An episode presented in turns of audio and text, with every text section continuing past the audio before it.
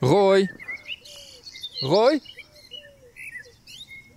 Ja, Daan, dat zul je altijd zien. Spoorloos verdwenen.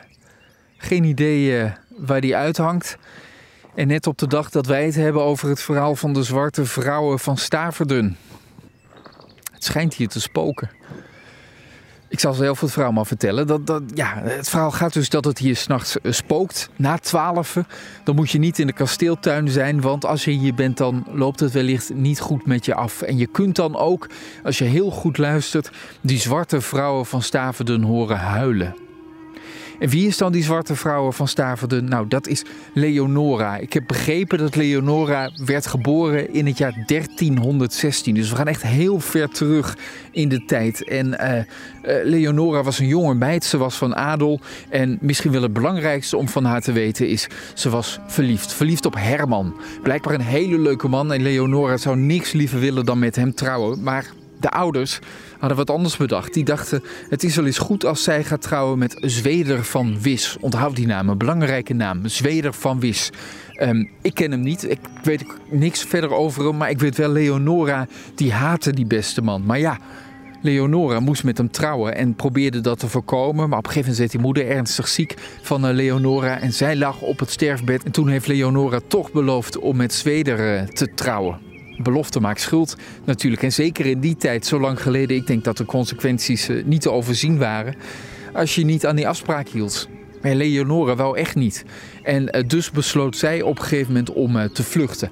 Ze is gevlucht naar kasteel Wildeborg. Dat ligt in de Achterhoek. De mensen uit Vorden die kennen dat ongetwijfeld, want daar ligt het in de buurt. Leonora ging daar wonen en het leek allemaal goed te komen. Maar niet lang daarna werd het kasteel belegerd belegerd door Diebald. En dan moet je weten, Diebald dat was een helper van Zweder. Dus waarschijnlijk is het gebeurd in opdracht van die Zweder. En toen leek het dus alsnog helemaal fout te gaan voor Leonora. Moest ze alsnog met Zweder trouwen. Maar ja, hey, Herman, die was er natuurlijk ook nog. En Herman, dat was een beste kerel. Ze was er niet voor niks verliefd op. Dus Herman is gekomen om Leonora te helpen. Hij heeft haar bevrijd. En dat ging hartstikke goed. Het ging zelfs zo goed dat ze uiteindelijk getrouwd zijn... en dat ze samen op de Wildeborg bij Bleven wonen. Maar dat ging natuurlijk niet lang goed, want dit is een verhaal met een slecht einde. Anders zou het hier gewoon nooit kunnen zijn gaan spoken. Herman ging op jacht, moet je weten. Korte tijd nadat hij getrouwd was met zijn geliefde Leonora. En uh, Zweder had daar dan toch weer lucht van gekregen. En die is wraak komen nemen. Dus hij heeft uh, uh, Herman overvallen en uiteindelijk ook gedood. Met een speer is dat gebeurd.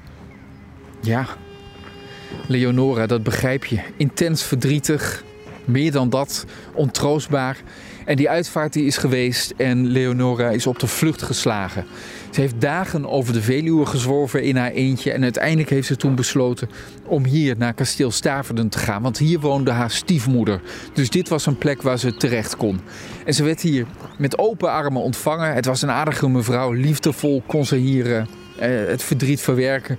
Maar uiteindelijk is dat toch niet goed gegaan. En Leonora is op 19-jarige leeftijd gestorven aan liefdesverdriet. En ze ligt hier bij een boom op het landgoed begraven. Niet ver van, van deze plek, hier ergens in de buurt.